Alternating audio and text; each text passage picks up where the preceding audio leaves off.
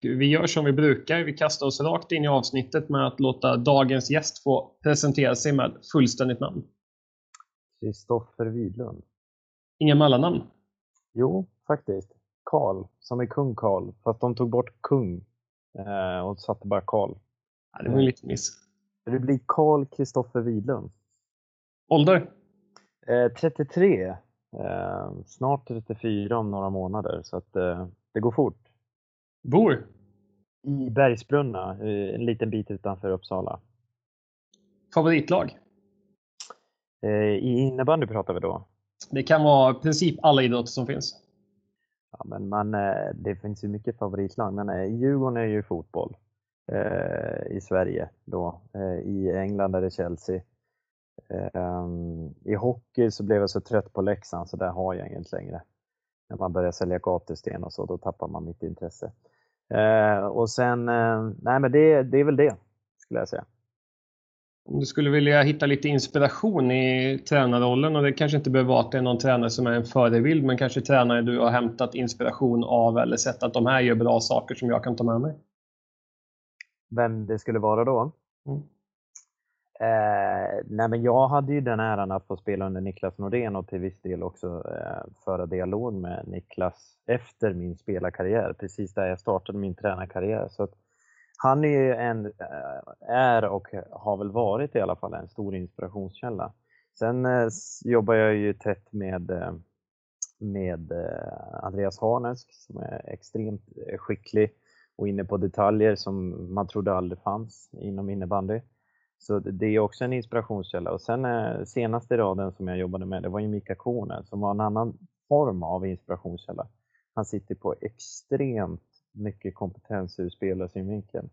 Eh, och det var jättehäftigt och berikande att få vara eh, en del utav det och få ta, ta till sig det. Så det är väl de tre. Eh, jag skulle bara säga att jag har haft i princip nästan bara bra tränare. Jag har haft eh, lyxen, ska jag säga, att ha haft bra tränare genom hela min spelarkarriär i alla fall.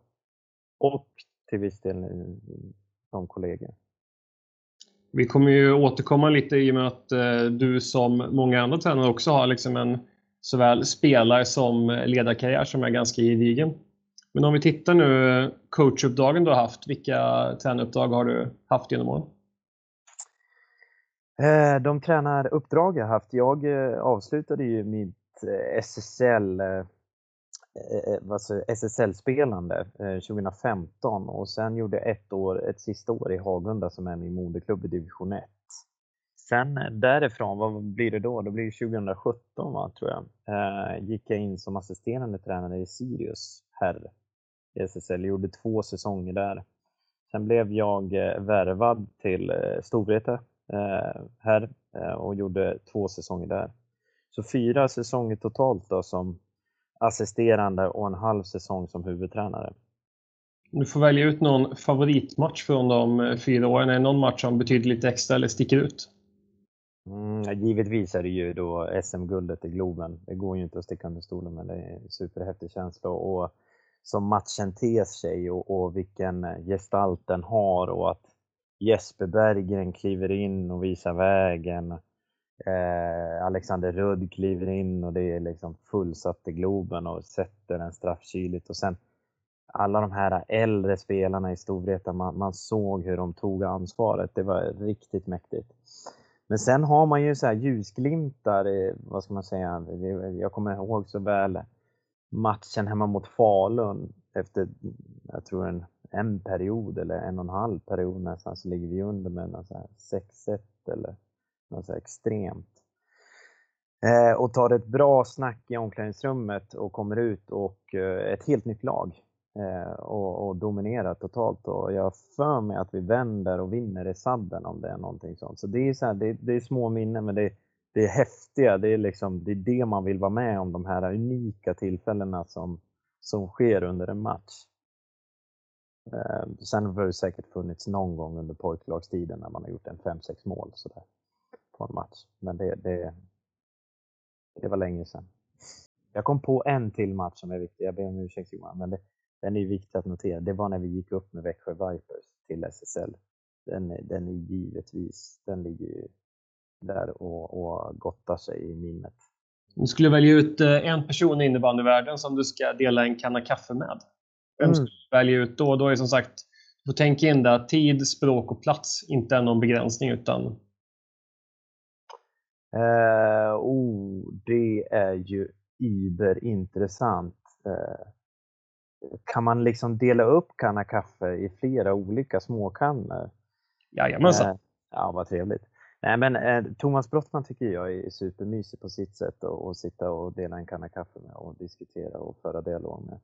Eh, David Jansson tycker jag är riktigt eh, härlig att lyssna på och bli inspirerad av.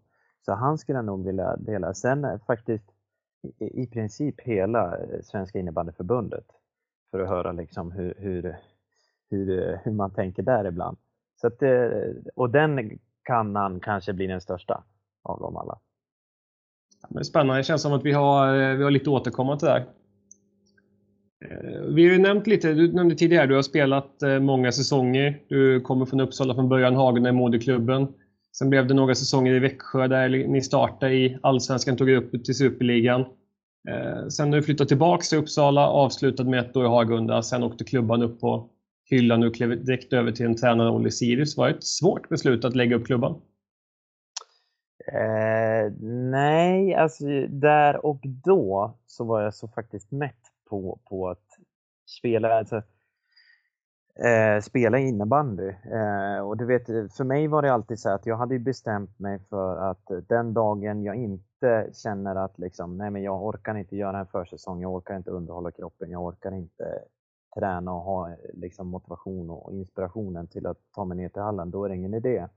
Och eh, efter Hagunda där tiden, sista året i Hagunda, så kände jag någonstans att nej men nu är jag verkligen klar.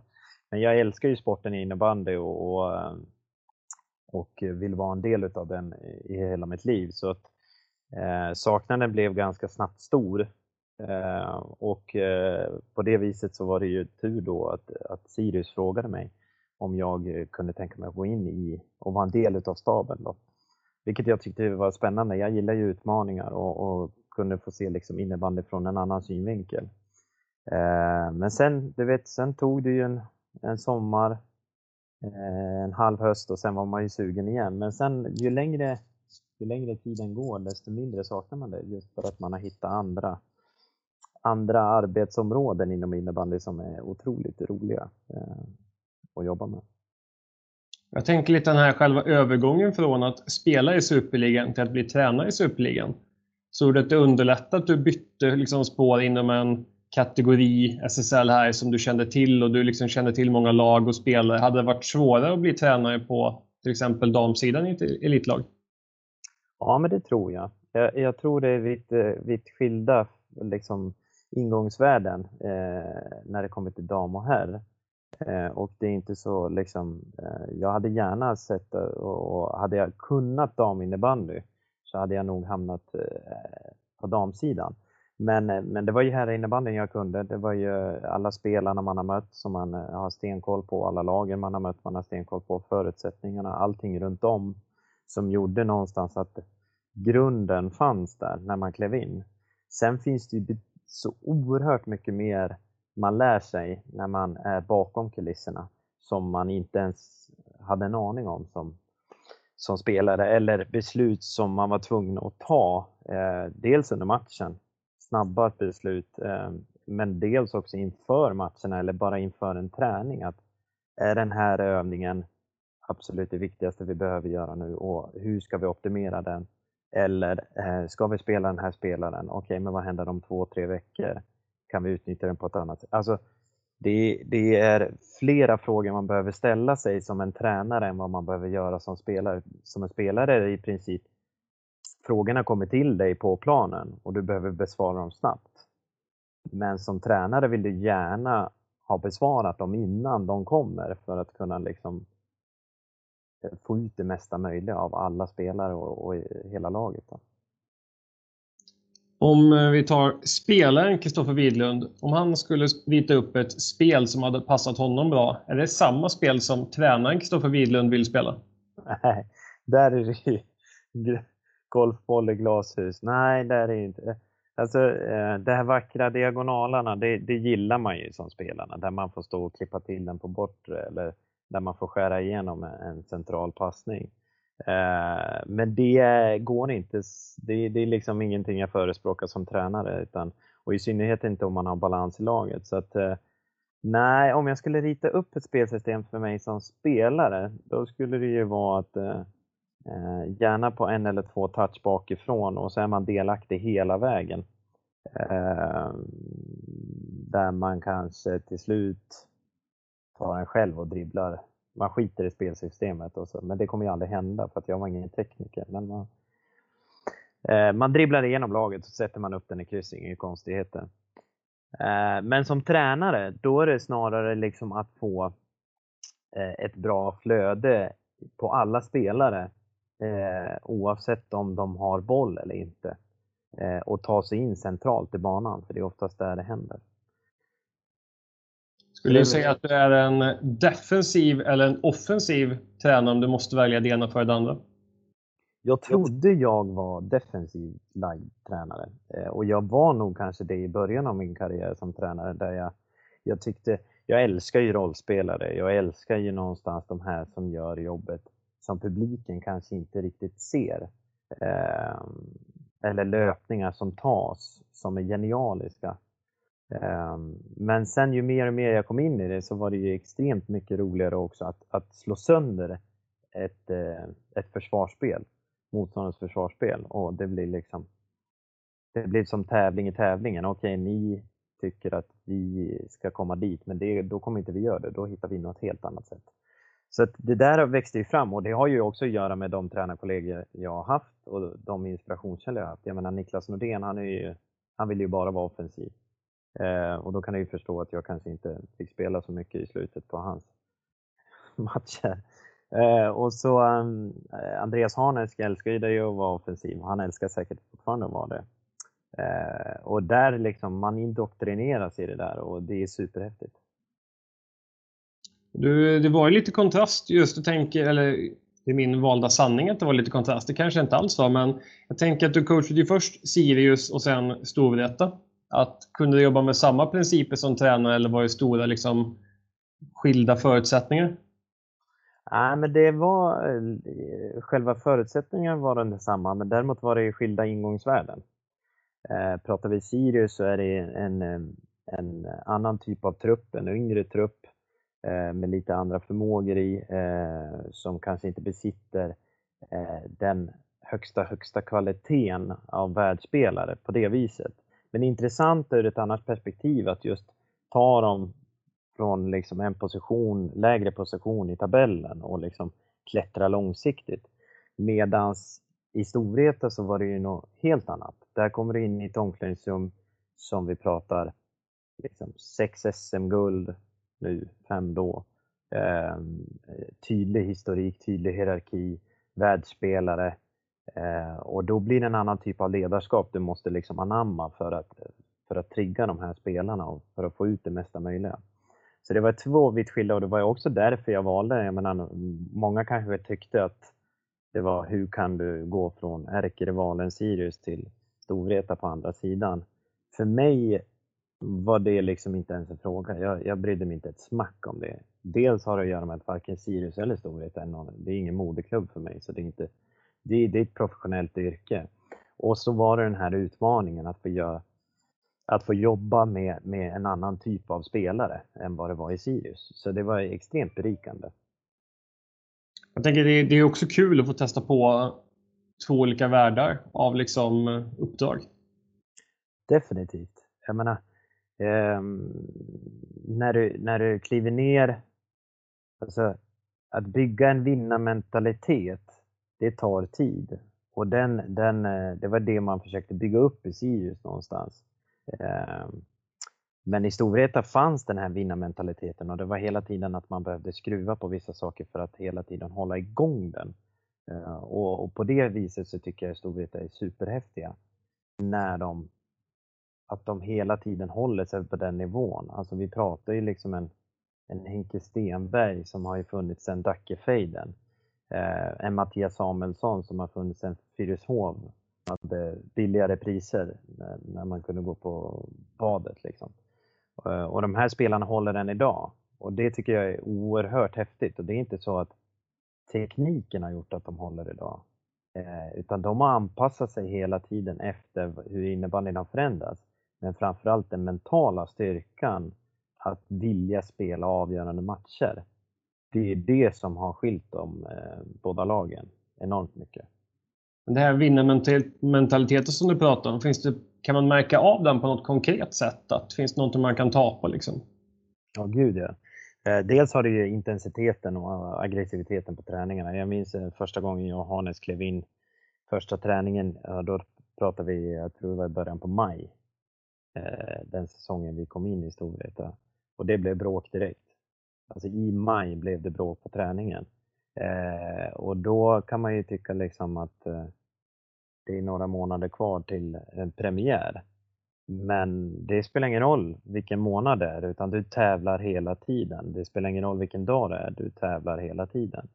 Eh, och det är det där som gör att de hela tiden håller sig eh, på toppen och utvecklas konstant.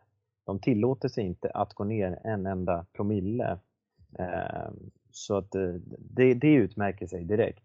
Sen är det givetvis, alltså de här spelarna har ju hämtat hem kompetens från landslagen, de har hämtat eh, kompetens under den stora resan de har gjort själva. Så att de tillför ju även och är väldigt engagerade och delaktiga i att liksom föra kompetensen vidare inom gruppen, vilket också är eh, en stor del i det. Så det är häftigt.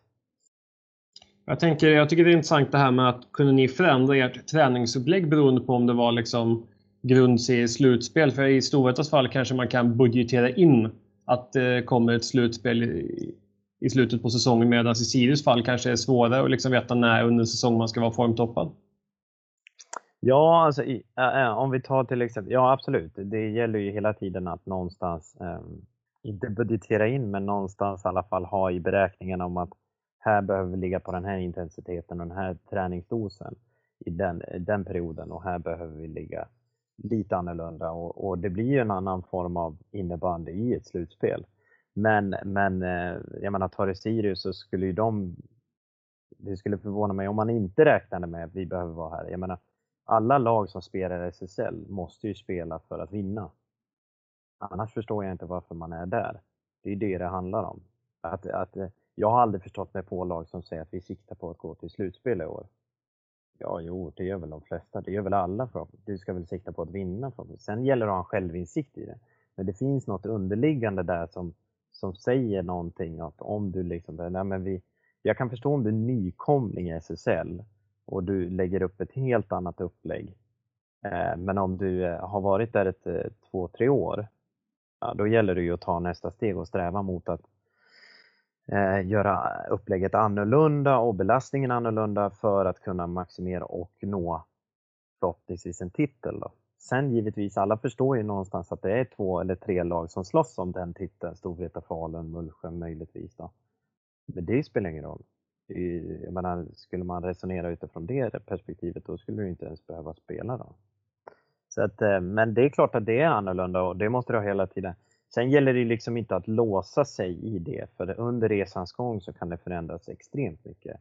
Spelare kan bli långtidsskadade, eh, nya spelare kan komma in, eh, det kan ha gått lättare under resan, det kan ha gått tyngre under resan. Så, så det gäller att lägga en grundplan och sen får man följa den och, och liksom revidera den under resans gång. hur mycket kan spelet skilja sig, jag tänker när man närmar sig de här tuffare matcherna på vårsäsongen? Brukar, alltså, kan man coacha likadant eller blir det något helt annorlunda? Nej, alltså det är klart att du måste vara lite mer flexibel i din coachning. Du måste ha lite mer fingertoppskänsla i slutspel än vad du har i grundserien. Och det har att göra med också att i grundserien kanske du tillåter dig att, att vilja se saker och ting även fast spelet i sig går lite hackigt eller så går det fantastiskt bra eh, och du får alla svaren och då vill du ändå liksom korrigera vissa saker. Sen är det givetvis i ett slutspel så är tempot betydligt högre, intensiteten betydligt högre, duellerna betydligt hårdare eh, och matcherna betydligt tätare. Och eh, där någonstans gäller det att lägga upp en bra plan för, för eh, liksom de in, spelarna individuellt sett. Vilken form av belastning kan man ha på dem för att de ska orka hela resans gång? Och det handlar ju om att då föra en dialog med varje enskild spelare eh, kontinuerligt. Så att det är klart att det skiljer sig oerhört mycket. Det gör det. Och det här temat med att orka en hel säsong, det jag tänker kan vara ganska stor kontrast. Det är ju då en hemma kontra en bortamatch. Att hemmamatch kanske är enkelt, man är inte så, det är kanske inte så, förhoppningsvis inte så lång resa, men en bortamatch i buss kan ju vara påfrestande. Hur kan liksom en bortamatchdag se ut? I en, då får du tänka in ett scenario där du ska ha en av de jobbigaste bortamatcherna. Nej, men det är framförallt det, det, det värsta är väl liksom att kliva upp valet tidigt på morgonen och då pratar vi runt fyra bläcket där kanske. Och sen eh, någonstans så ska du ju klämma in frukost, mellanmål, lunch, pauser eh, för att eh, liksom vara optimerade tills du kommer till hallen två timmar innan. Eh, och det är långa mil och det är, eh, det är långdraget och segt. Men å andra sidan så är det så att alltså på den här nivån så har jag så svårt, där återigen så är det så svårt för de som säger så här, nej men vi satt kvar i bussen efter första perioden. Jag tror det snarare handlar liksom om att man, för du har ju ändå kunnat röra på dig emellan. Du har inte suttit och sträckat 70 mil och sen kommer direkt till matchen och bara kliver rakt från bussen ända in i hallen och så, nu tekar vi. Utan det handlar ju någonstans om att varje enskild spelare ska, när de har kommit till hallen, att, att kliva in i bubblan rejält. Ehm, och då är bussen har ju redan, den är borta för länge sedan. Och det är där någonstans tror jag, att det liksom förberedelsen från hallen och framåt, det, det är det som är skillnaden. Ehm, men det är klart att det är alltid annorlunda att sitta i en längre buss än att sitta hemma och så kan du åka till hallen två och en halv timme innan matchen och, och haft dina förberedelser och dina ritualer som du alltid brukar ha. Så de värsta resorna det är väl att åka upp till Umeå, brukar ju vara en sån där eh, där du känner bara nej, det här det blir, det blir intressant. Och ner till Höllviken brukar också vara en sån där fantastiskt rolig resa där man får se mycket av E4. Och en annan del just på temat uthållighet har ju varit det här med antalet matcher som har varit en ganska het debatt. Att de har ju ändrat till och från. Vi hade något år hade vi var väl dubbelmöten och så var det rakt av så. Sen tillkom derbygrupperna och nu har väl de, om jag förstått rätt, försvunnit igen, derbygrupperna. Mm. Jag ska inte uttala för mycket men på det här temat, liksom, hur var din syn på antalet omgångar i Superligan? Alltså jag, jag, tror man ställer sig fel eh, fråga när man håller på och tjatar om, ska det vara 26 omgångar? Ska det vara 32 omgångar? Ska det vara dubbelmöten, trippelmöten? Eh, ska det vara eh, liksom en matchserie i finalen? Eh, då är det frågan, så här, vad, vad, är det vi vill göra? Alltså är det, är det att få mer publik? Är det därför vi sitter och pratar? Ja, då tror inte jag det spelar om vi pratar 26 eller 32 omgångar. Det är helt irrelevant. Det är snarare om vad vi gör med produkten när vi väl ska exponera den. Och där är vi ju, det, det förs ju knappt några dialoger idag. Då pratar jag inramningen. Alltså upplevelsen från när publiken kommer till arenan eller kanske till och med under veckans gång. Eh, så att de väljer att köpa biljetten och när de kommer på plats att de får den ultimata upplevelsen. Inte bara spelmässigt utan allting runt omkring som gör att de vill komma tillbaka. Så, så pratar vi om att liksom, eh, hur kan vi utveckla produkten mer för att fånga fler på läktaren? Ja, då borde vi sluta prata antalet omgångar, för det är helt ointressant. Pratar vi för att utveckla produkten spelmässigt, alltså för innebandyspelare, och för innebandytränare och för innebandyfolket, ja då kanske vi kan börja prata omgångar och vad som är mest optimalt. Så det där har jag blivit liksom lite, för när man synar då vissa så säger man vissa på sociala medier skriker ju rakt ut så fort man har gått tillbaka till 26 omgångar och säger att man tar död på innebandyn. Ja, det, det, det tror jag inte.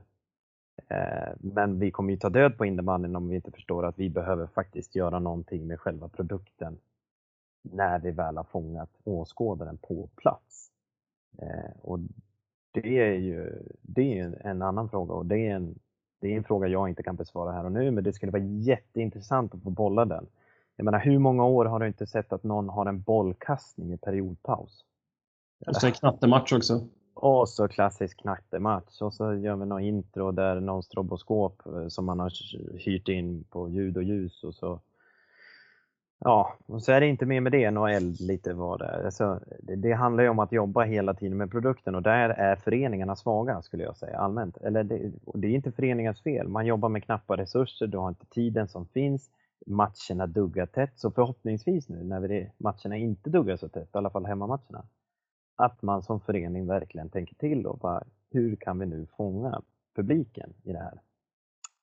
Eh, så att, eh, och då, när det väl har fångat publiken, då tror jag absolut att du, du kan ha 36 eller 72 omgångar, det spelar ingen roll. Jag tänker lite här, hur tror du det påverkar själva spelet på plan? Att nu när det är färre matcher kan vi ställa högre krav på spelare, föreningar, ledare att det ska vara liksom vi ska få ut ännu högre leverans de, de matcherna jämfört med tidigare? Ja, det kan man ju tycka. Framförallt, men det, det där är ju så svårt. Alltså, eh, definitivt så ska man ju kunna tycka att tempot och intensiteten ska kunna öka. Men det beror också på hur tränaren lägger upp veckans träningar och, och hur det ser ut däremellan. Eh, och hur man optimerar det. Eh, men det är klart att man kan tycka det. Sen är det ju frågan så här, är innebandy en, en tre, ska man spela med tre femmor? i innebandy? Eller ska man spela med två? Eller ska man spela med fyra femmor och de här fyra femmorna alla förstår att jag har max fem minuter per match. Jag måste springa ihjäl mig och göra det jag, det jag ska göra för att verkligen få ut någonting av den här matchen. Så att det, det, det där är också frågan ställs utifrån. Spontant så här, ju färre omgångar du har, desto mer ska du ju orka, givetvis.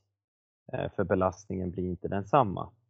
Eh, å andra sidan så kan det ju bli så här också att eh, du kanske inte kommer in i, i matchandet på samma sätt som spelare.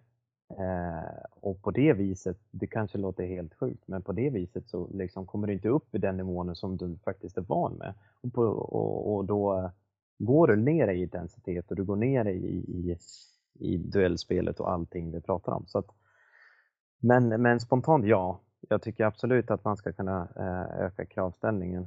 Men, men det här blir ju också, nu kommer vi in på väldigt djupt vatten för att vi pratar hela tiden om att öka kravställningen på spelare och ledare och på föreningarna. Men jag menar, hur ska vi kunna bemöta den kravställningen? När vi till 90 är ideella det är den som är utmaningen. Vi måste ju se till så att vi kan bemöta den kravställningen för att kunna leva upp till och utveckla sporten än mer. Och hur gör vi då? Jo, då behöver vi stärka organisationen. Jag tycker det är jätteintressant, inte för att jag eh, hyllar, eller hyllar, håller på Kalmarsund på något sätt, men någonstans så jobbar de med organisationen precis lika mycket som de gör med laget, om inte mer. Eh, och jag tror att det är nyckel. Växjö, lika så nu. Eh, superhäftigt ska det bli att se vad Växjö gör med alla de här miljonerna som de säger nu ska få och att de kommer bli den rikaste innebandyklubben. Ska de köpa in då spelare, färdiga spelare, bara för att nå guldet? Eller ska de faktiskt tänka annorlunda och säga så här, ska vi nu se till att bli heltidsproffs och jobba stenhårt med organisationen så att vi inte när väl den dagen kommer att vi går ner oss, att vi behöver förlita oss på att vi har världsstjärnor på banan för att publiken ska komma. Ehm, jag hoppas och tror att de har så pass mycket huvud i den organisationen så att de inte bara köper in färdiga spelare och tror att det kommer komma publik bara för den sakens skull. Det är ganska kortsiktigt. Utan att de använder de här pengarna och, och liksom tar innebandyn till ny nivå och visar på att eh, även innebandyföreningar kan vara som en SHL-förening eller ja, ännu bättre som en NHL-förening eller Premier League-förening. Att, vi, att vi kan jobba med produkten dagligen. För då kan du höja kravställningen. Definitivt. Du, får, du kommer få en önskan uppfylld här i ett eh, teoretiskt eh, scenario, men du får eh, önska dig någonting inom innebandyn under temat utvecklingen av sporten och den blir då uppfylld i den här eh, påhittade världen. Men om du fick en sån önskan, har du någon eh, tanke vad du skulle önska då? Önskan om att utveckla sporten? Ja, du får någon. Det är liksom som en magisk innebandyande som säger att du får uppfylla liksom, du får en magisk önskning. Och det här var den svåraste frågan jag har fått tror jag, för det finns så många. Um, nej men alltså jag önskar ju att hela, eh, vad ska man säga, i alla fall innebandy Sverige till att börja med, men att innebandy blir den världssport det faktiskt har potential till att bli. Eh, för det är en fantastiskt fin sport. Eh, det är, den är extremt rolig att utöva. Nu är jag extremt färgad givetvis. Och jag menar den här podden är väl också extremt färgad. Men eh, skulle jag få önska så, så um, skulle jag vilja se så att det blir en lika stor liga som Serie A, Premier League eller eh, av de toppen av kommersiella ligorna och NHL, att, att den skulle bli en sån sport. Eh, och jag tror att den har möjlighet till att, till att bli det. Eh, men då gäller det att vi tänker rätt. Det är samma sak, jag menar för, för många här år sedan så började alla tjata om, sig. tänk när vi kommer in på den amerikanska marknaden och liksom få exponera innebandy och vilken potential det är. Eh, men det tror jag är helt fel tänk. Jag tror inte att eh, liksom, bara för att USA anammar den, jag menar amerikansk inhemsk idrottskultur är kanske det svåraste att slå hål på. Och få en annan sport att bli accepterad i USA, det är som att dunka huvudet i väggen på Ulleråker eller på Hispan. Liksom. Då är det bättre att börja blicka och stärka de länderna som faktiskt redan har eh, gillat innebandy och se till att, att eh, vi hjälper dem och, och de hjälper oss. Och det gör vi redan, men jag tror att det behövs än mer. Eh, nu, jag menar, schweiziska ligan tar ju inte in lika många proffs, eh, svenska proffs längre som de gjorde förut. Vad har de? Max två? Tre? Vad får de ha? Jag gissar bara på 3-4 här, lite eh, en typisk killgissning, men eh, det är ju en klar minskning i alla fall eh, per lag. Det är det ju. Och, och, det är ju smart utifrån det perspektivet att de vill låta sina inhemska spelare någonstans få växa i den, i den egna ligan. Men, men är det optimalt för innebandyvärlden? Jag vet inte. Det är, jag bara lyfter på locket här och ställer frågan. Liksom. Skulle man kunna få schweizarna till att utvecklas ännu snabbare om det hade varit fler eh, svenskar i där? Jag vet inte heller. Och då får man ju också vända på frågan att hur hade SSL sett ut om alla hade dragit till Schweiz? Ja, då hade det ju inte varit världens bästa liga i alla fall, det kan vi ju direkt konstatera. Men jag tror definitivt på ett betydligt närmare samarbete emellan än vad man faktiskt har haft. Eh, man har ju samarbeten idag förbunden emellan, men jag tror även på klubblagsnivå. Ehm, och sen, ehm, nej, så det är väl min största önskan, skulle jag säga. Jag tänker lite om de här samarbeten som du nämnde. Vi hade till exempel då Champions Cup nu på försäsongen. Nej, inte Champions Cup, utan det brukar vara ligamässan i januari. Men vi hade ju giganternas kamp då mellan Storvreta och Falun. Just så ville de två bästa lagen i Sverige mötas på försäsongen, få bra matcher mot varandra, och tävla mot bästa möjliga motstånd. Är det typ den typen av samarbete du tänker mellan klubbarna? Ja, men det, det skulle jag säga, det är ett bra samarbete. Definitivt. Um och det är någonting att spela på. Sen, sen vet jag inte, liksom, det blev väl inte helt optimalt tyvärr att det, att det blev, var Corona i år och, och att det satte stopp på, utifrån det perspektivet. Då. Men definitivt sånt. Ehm, och det var väl det man gick och pratade om. Det var därför de här derbygrupperna skapades för att man skulle kunna liksom håsa upp lokalt sett. Och jag tror det är rätt tänk. Eh, sen att derbygrupperna blev en obalans i serien, ja, det, det, men det är kanske det vi får ta också. Sen, ehm, men, men jag tror definitivt att man behöver öppna upp och, och samarbeta mer. Sen ska man ju också säga så här, spelarna har ju ett stort ansvar i att, att förmedla produkten innebandy. Eh, spelarna måste förstå att de är, inte bara spelar de här 60 minuterna, utan de, de är stjärnor 24-7 eh, året om. Eh, och då gäller det ju också som förening att faktiskt utbilda dem i. I att, eh, jag menar, det, det finns en anledning idag i att varumärken eller företagsvarumärken är faktiskt mindre än personerna bakom varumärkena. Det är därför vi har influencers till exempel. Eh, och där har, ser man ju att faktiskt sådana som Galante, Enström, eh, Nilsbert, Rudd, Samuelsson, de här har kommit ganska långt i att att eh, marknadsföra sig själva. Eh, och som gör att, jag menar, när jag var i Storvreta så kunde vi faktiskt på bortamatcher, och det hände ganska ofta att det kom publik från alltså det lokala stället vi var på som höll på oss, som kom in med en, en Alexander Rudd-tröja eller en, en, eh, en halsduk med Storvreta. Eh, och det har att göra med den sociala världen vi lever i, alltså sociala medier och hur det exponeras. Och, och där tror jag klubbarna måste också eh, rycka upp sig och använda spelarna på rätt sätt och inte bara i en matchannons fem dagar innan utan det gäller ju kontinuerligt att, att jobba med. Titta nu på uh, Hammar, Linnea Hammar, uh, den videon hon gör. Den blev ju viral på två röda och till och med Leif Borg såg jag gick in och kommenterade, kan hon göra det där även på match? Ja, alltså att Leif Borg som är den mest konservativa hockeygubben som finns går in och kommenterar, det är bra. Det Låg även som första sida på Expressen där längst upp. Precis. Och det är det där man måste få, förstå spelarna, att liksom, du har ett värde. Se till att, att uh, jobba med det värdet. Uh, dels för att hjälpa klubben, men också för din egna karriär.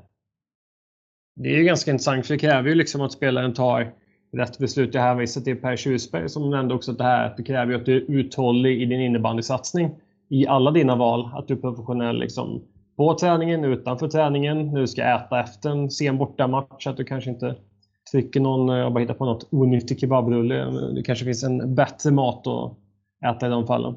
Ja, definitivt. Så är det ju. Och hur du beter dig och hur du bemöter både unga och vuxna och folk utifrån. Så att allt det där är, är extremt viktigt. Um, och det hjälper ju dina egna val också. Uh, men jag tror föreningarna i sig måste också förstå att, att jag menar, här har vi 23 stycken varumärken i varumärket. Uh, då måste vi se till att utbilda dem eller vad står vi för, hur vill vi att vi beter oss. Eh, så, så, man pratar mycket om hur vi, vi ska spela en roligare innebandy, vi ska spela en mer offensivare innebandy, vi ska göra 10 mål per match och bam, bam, bam och då kommer publiken. Nej, det kommer inte hända. Men nu är du inne på något väldigt intressant när man pratar om saker liksom ur ett föreningsorganisationsperspektiv att vi vill spela en offensiv innebandy. Och vem äger frågan hur representationslaget ska spela? Kan det, ska det komma från styrelsenivå att nu ska vi spela en offensiv innebandy eller vem tycker du äger den frågan? Det där är jätteintressant. Det har jag också bollat med i mitt huvud flera gånger om. Och, och eh, Det jag skulle tycka var häftigt, det som är så intressant, nu ska vi verkligen bena i det här för att vänder vi på frågan så är det så här, när föreningen ska rekrytera en ny spelare, en ledare, då är det så att man sitter och säljer in sig. Du sitter så här, åh, här har vi det gymmet. Titta i Arena, du kan få spela inför 2 500. Uppsala, du har Fyrisån, här kan du gå på Uppsala högar och orientera dig när du har liksom ledigt. Men det är inte tvärtom. Att, att faktiskt föreningen i sig säger så här, vilken typ av innebandyspelare skulle du beskriva att du är? Alltså, du, du, du, det är som en, det är en anställningsintervju i princip. Du skriver ju ett kontrakt med spelaren. Du är, blir en arbetsgivare. Det borde vara tvärtom, att spelaren ska söka sig för att du har ett attraktivt varumärke. Har man kommit dit, då har man kommit långt anser jag. Eh, och i det perspektivet då, då borde det ligga att, att föreningen lägger fram, det här är vår filosofi. Okej, okay vilken typer av tränare skulle kunna överensstämma med den här filosofin? Ja, men då ser vi till att, att eh, intervjua de tränarna och se okej, okay, här har vi en tränare som verkligen passar in i hur vi vill spela innebandy. Och sen låta tränaren få beskriva det också, för det är oftast där det sen spricker. Och du ser ju ganska många tränare som får sparken under resans gång. Och det är just för att man inte har gjort det här bakgrundsarbetet och faktiskt kommit överens om att det, hit ska vi nå. Det var ju det vi kom överens om där borta. Så, att, så att eh, det, den är intressant tycker jag. Och det är, eh, det är så, så, ja, jag skulle vilja säga att i den bästa världar, eller i min värld, skulle jag nästan se att, att föreningen presenterar en filosofi, så här vill vi spela. Och sen att ledaren säger, men så här jobbar jag. Passar inte det så då tyvärr, då är vi inte ämnade för varandra. Men passar det, då har vi något intressant att utgå ifrån. Um, och sen i slutändan så ska ju inte föreningen, tycker jag, gå ner och kladda i en, i en tränares uppdrag. Ehm, det har ju, jag har ju varit med om sportchefer, inte på tider nu när jag har varit tränare, men jag har varit med om sportchefer där jag har hört liksom, liksom gå ner i omklädningsrum och, och, och säga varför gjorde vi så, varför gjorde vi så och du borde ha gjort så här och du borde Nej, men om du tycker att du är så bra, varför är du inte tränare själv då för det här laget? Alltså man måste förstå sin roll lite. Så ja, det, det är liksom det har sina sidor, men jag skulle nog säga att, att det ligger i att, att eh, föreningen har ett stort ansvar också i att presentera vad är det de vill och sen se till att hitta rätt person som de tror på och den någonstans har det fulla ansvaret att driva igenom det. Jag tycker det är, det är jätteintressant. Jag har försökt läsa på lite om Mullsjö. De tog in Andreas Elf som någonstans skulle jobba med hur föreningens representationslag på här spelar långsiktigt. Mm. Eh, otroligt intressant. För det blir också så här när man pratar nyförvärv och sådana här saker att man ser i många fall i kanske framförallt fotbollen skulle jag kunna dra väldigt många exempel där man kan se att en förening har tagit in en spelare på sportchefens initiativ som sen tränaren känner att nej, den passar inte in i sättet jag vill spela. Mm. Att det måste ju bli sånt hål i huvudet om man hamnar i de situationerna som sportchef och tränare.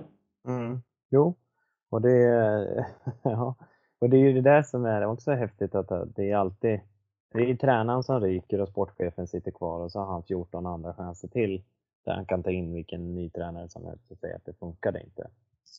Um, och um, och eh, uh, no, det, jag, jag läste ju vilka var det nu i veckan? Var det förra veckan det stod på Aftonbladet? Jo, IFK Göteborg när de sporkar poja. Det är ju sån här jätteintressant. Och där, står det, där säger Kenneth Andersson då i Aftonbladet att nej, alla beslut som rör att, att tillsätta och avskeda en tränare, de tas av styrelsen. Och då blev jag extremt förvånad. Så jag tänkte så här, vadå, har inte IFK Göteborg som är en ganska anrik storklubb i Allsvenskan kommit längre än så? De tillsätter alltså, en styrelse ska jobba strategiskt. Punkt slut. De ska inte jobba operativt överhuvudtaget, enligt mig. Men de har en sportchef som ska jobba operativt, men han får inte ta besluten. Det är liksom, det klingar ju inte alls bra.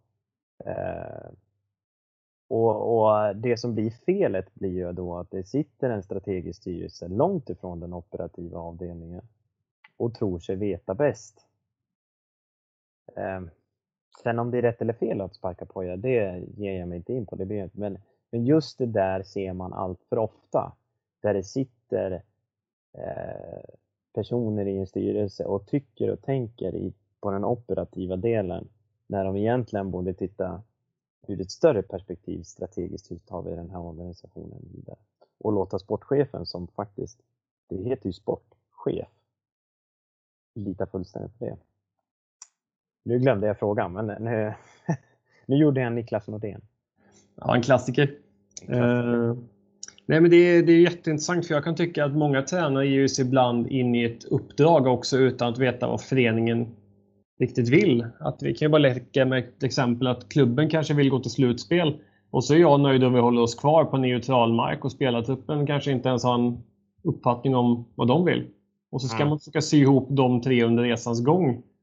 Det, det kan ju, så att jag tycker att man har ett väldigt stort ansvar som tränare när man ger sig in på ett uppdrag och ta reda på liksom, sitta med alla personer och identifiera vem är det som bestämmer och vad tycker de. Och, ja. Så är det ju definitivt. Det ligger ju alltid ett ansvar hos alla parter någonstans att ta reda på vad, vad har vi för förutsättningar.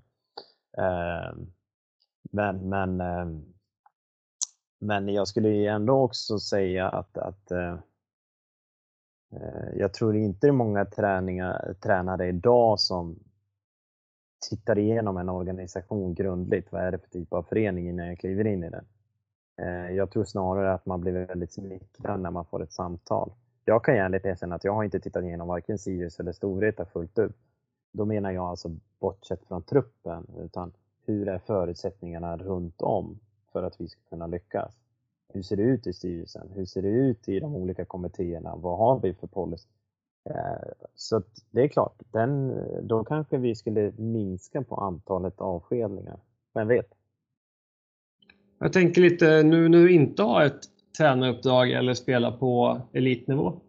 Är det någonting du, du saknar? Allt. Nej, jag, jag, jag, det går ju dagar då jag inte tänker på innebandy alls. Det ska ju tilläggas. Alltså, det, det, är en otrolig frihet och jag har fullt upp ändå. Jag har precis köpt hus, jag håller på att renovera, jag har tummen mitt i hand så det tar ju tid att spika upp det där jävla gipset. Du har ju en eh, arbetsgivare som ställer krav också i form av att du är pappaledig. Eh, och så är jag pappaledig till min son eh, Ebbe som är min chef. Och eh, honom måste jag följa betydligt hårdare än vad jag gör i jobbet på, till min chef. Så att, eh, nej då, det är fullt upp. Men sen vet jag ju också att jag, jag saknar ju sammanhanget. Jag saknar att få dela alltså glädje, sorg, utmaningar. Hela den biten eh, är en enorm saknad av. Och i början så tappade man lite fotfäste och kände liksom vad, vad tyst telefonen är oftast brukar man i alla fall ha en 6-7 samtal per dag innan träningen drar igång och du, du känner det liksom, det är fullt upp hela tiden tills att det ringer inte alls. Eh, och man glöms bort snabbt. Eh, men sen vet jag också, jag har inte slutat, det ska tilläggas. Alltså jag valde att inte gå ut och säga att nu slutar jag med innebandy. Nu slutar jag som tränare. Jag har snarare gjort en paus och sen får vi se om jag tar upp den igen eller om jag bara eh, är kvar eh, där jag är idag, det vill säga utanför som åskådare. Vad skulle du säga krävs för att du ska ta upp karriären igen? Inte mycket. nej, eh, nej, men det som skulle krävas är givetvis livspusslet. Eh, och så är det för de flesta, skulle jag säga, idag som håller på och, och spelar och utövar innebandy det är livspusslet. Det är en extrem utmaning och det är hög belastning och, och eh, jag kan säga att de som faktiskt bör hyllas i det här, det är ju ens respektive. Eh, om man har en. Eller ens familj som man sakar eller ens vänner som man inte hinner träffa. Eh, det är de som är de stora hjältarna i det hela, som tillåter en att få vara den man är. Eh, och Eh, vi är dåliga, tror jag, generellt sett på att faktiskt eh, säga det och att visa det. Och som förening så borde man vara ännu bättre på att visa tack och bjuda in respektive och familj och verkligen så här, det är ni som gör att vi får ha hen i vår förening. Eh, det ska ni ha stort tack för. Ehm, och sen ehm, så att ehm, Nej, men det, det, är väl eh, det, kommer, det, det, är livspusslet och sen är det faktiskt att eh, det ska komma ett intressant och roligt erbjudande.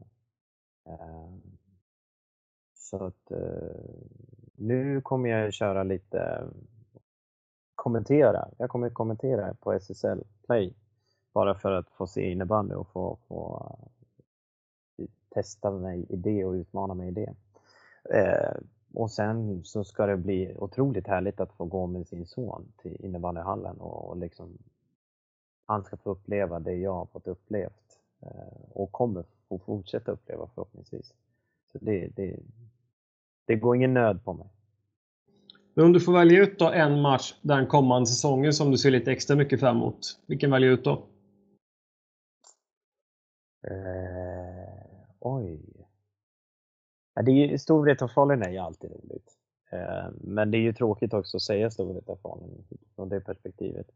Extra intressant. Nu ska vi se. Mullsjö blir lite intressantare i år eh, och se var de faktiskt står. Å andra sidan har de varje år sagt att nu lyfter vi. Nu är det guldåret och hit och dit och sen så blir det inte mer än så. Så det är dags nu tror jag, Mullsjö, om ni ska verkligen fortsätta ha det. Sen är det väl eh, jag tycker, jag tycker Sirius faktiskt ska bli lite intressanta med Forsman. Eh, utifrån perspektivet att de har en ja, snarlik, om inte mindre namnkunnig, kunnigt lag. Men jag tror att de har ett, ett eh, sammansvetsat lag som gör att de är i alla fall betydligt vassare i år än vad de var förra året. Eh, Linköping, ja möjligt. Gillek är ju kvar. Det ska bli intressant att se eh, över tid vad han åstadkommer med aspirant. Nej, men det finns lite godbitar sådär. Men det är väl eh, i det stora hela så är det ju alltid final. Finalen. Den är, den är alltid intressant. För det, det, är liksom, det är en match. Det är en helt annan inramning. Eh, det är helt andra känslor. Det är helt andra saker på spel mot vad det är i en vanlig omgång.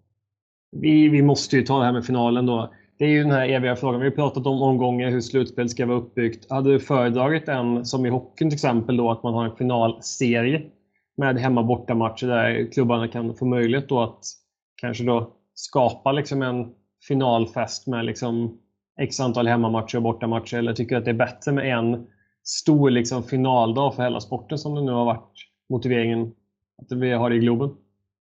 Ja, men jag tycker ändå, ja, alltså, både och. Jag tycker ändå det är någonting häftigt med en match. Visst, det är så här, över tid, blir det rättvist, är det rätt vinnare?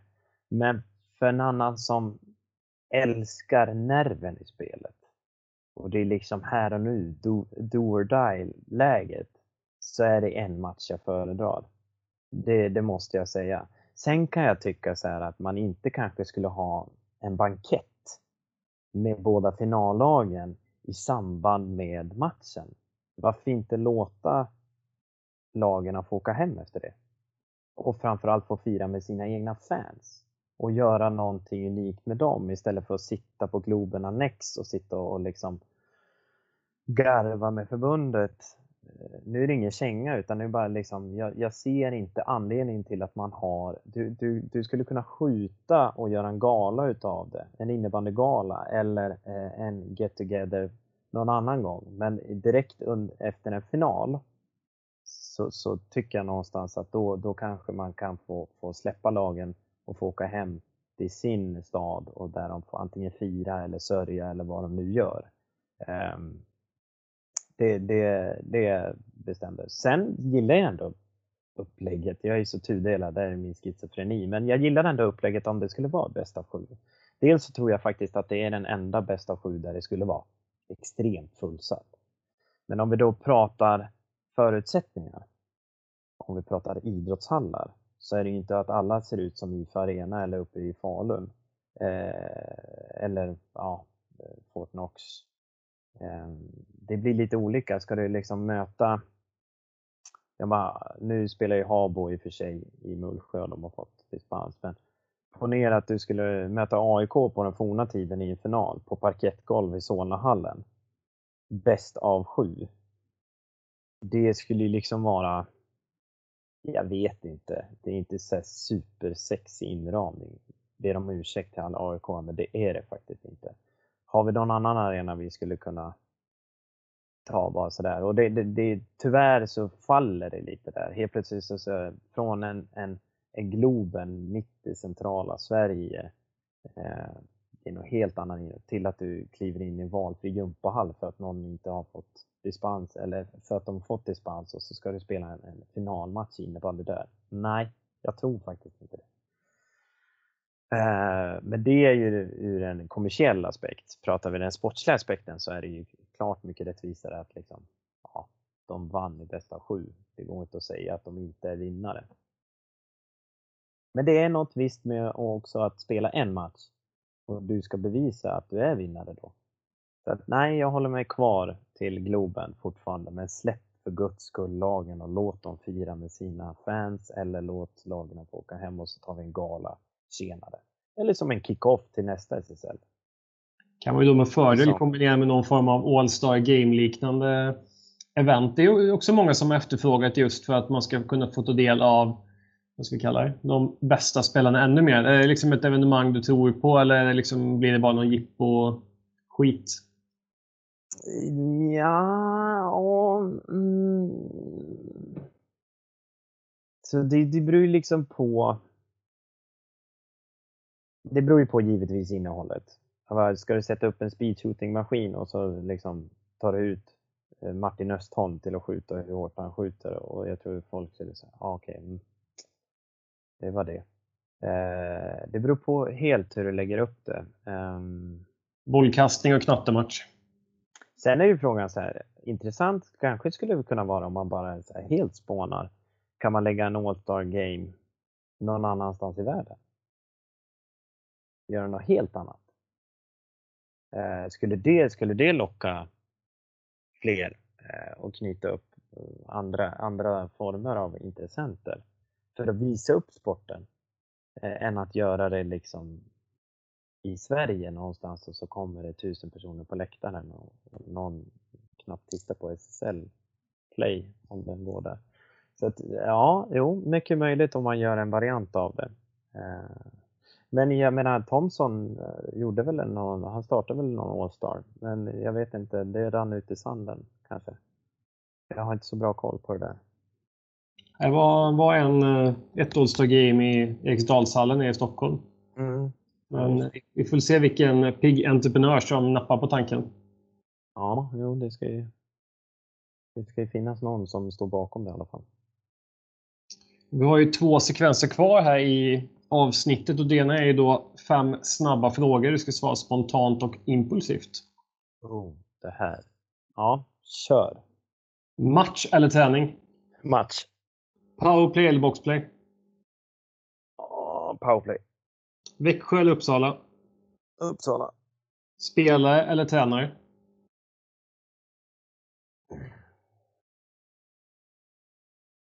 Den är inte så jävla lätt. Ah, men det får väl bli tränare då. Sirius eller Storvreta? Hagunda Legends. Mm, uh, det bra svar där. Uh, Sirius eller Storvreta, alltså jag, jag gillar båda föreningarna.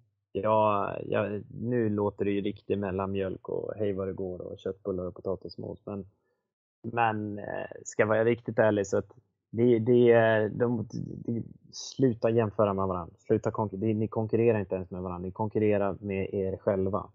Eh, sen är det bra att det är bra spårar. Jag älskar att det finns en rivalitet. Det är inte alla städer som har en sån rivalitet.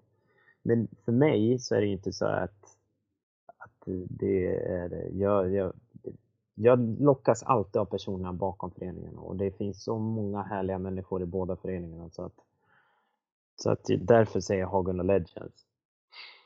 Ja, ja men det är ett starkt val. Det är till stor glädje för alla Hagunda Legends lyssnare.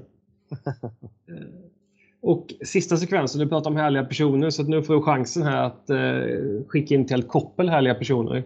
Du får sätta upp din egen drömuppställning med eh, sex utspelare, förslagsvis en målvakt och fem utspelare. Själv välja vilken taktisk disposition och en eventuell ledarstab om du känner att det behövs en sådan. Och det behöver inte vara nutid. Nej. Alltså, det kan vara över hela... Åh oh, herregud. Eh, utan tvekan Mika Konen. Inte bara för den spelaren han är, utan för den människan är. Fantastisk människa. Sen skulle jag säga... Eh, jag tolkar konen på en centerposition där. Ja. Eller kör han på alla positioner? Nej, jag är centerposition. Jag funderar på att peta Henrik Stenberg och sätta Hannes Öhman till vänster, för då får jag göra alla målen som Henke Stenberg fick göra i Fyrishovtiden. Ehm, fast å andra sidan kommer Mika bara passa Hannes för att Hannes har ett bättre skott. Så att jag tror jag tar bort Hannes. Eh, eh, Tobbe Gustafsson tillsammans med Robin Nilsberth. Jag har aldrig sett ett back, bättre backpar ihop när det klaffade förra säsongen. De bar oss eh, i många matcher. Så att den är given på backsidan. Sen kanske jag inte bara ska ta Storvreta nu, så att nu måste jag bryta mig loss lite. Och så skulle jag säga...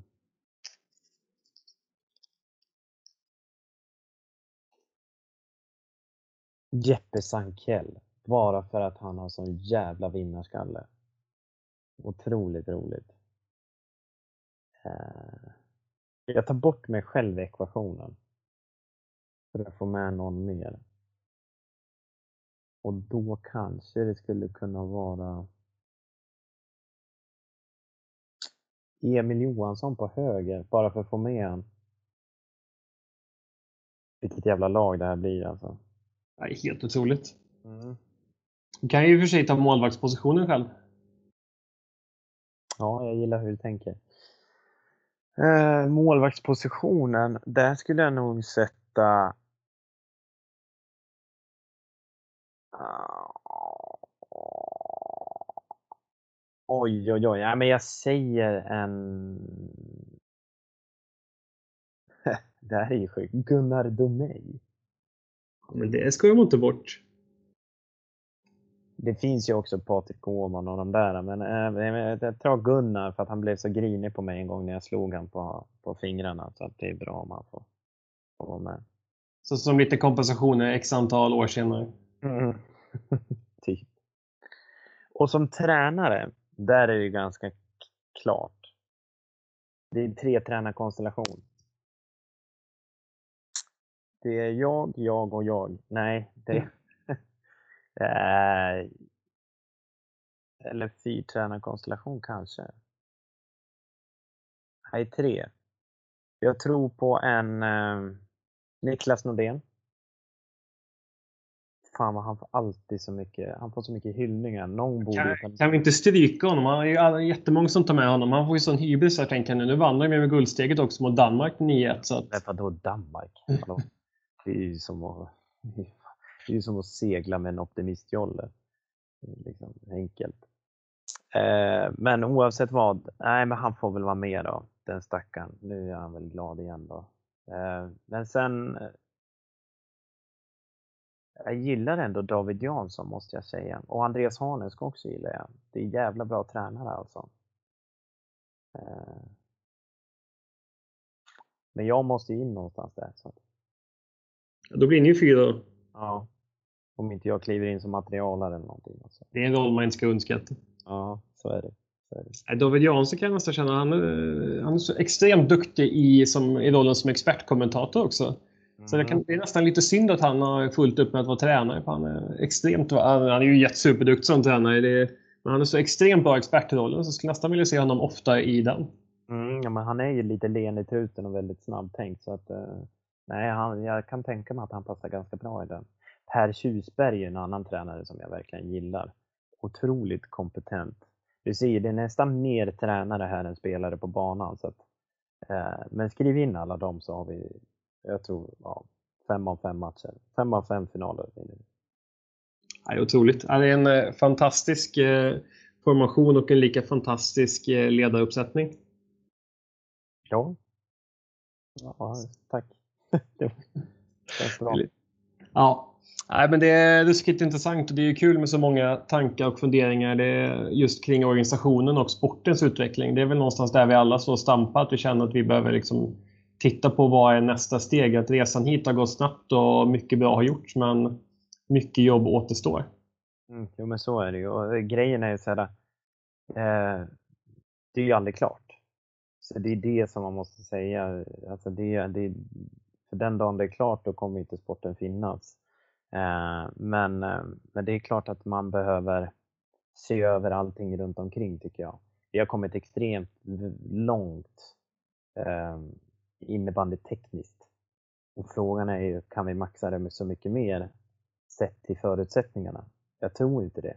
Utan då måste vi vända på det och, och börja jobba på annat håll för att kunna skapa, som vi var inne på tidigare då, liksom, utrymme till att kunna ha en högre kravställning. Men, men eh, nej, så det, men det ska bli intressant nu med Micke Ahlrup eh, på, på förbundet och se vad han kan göra och samt den nya VDn för eh, är det FSSL det heter. Jag tycker jag får så många olika bud på det där. Så att, och det, det är väldigt bra herrar som har kommit in och de har förmodligen stor erfarenhet av andra kommersiella idrotter. Så att förhoppningsvis kan de plantera ett par morötter som gör att vi får lite skjuts i det. Ja, det ska bli oerhört spännande att följa. Kanske även kan vara någon som dyker upp i podden här någon, någon gång i framtiden. Mm. Men eh, det får vi ta då. Men Kristoffer, ett stort tack för att du medverkat i avsnitt 29 av coachpodden. Tusen tack. Det var så lite.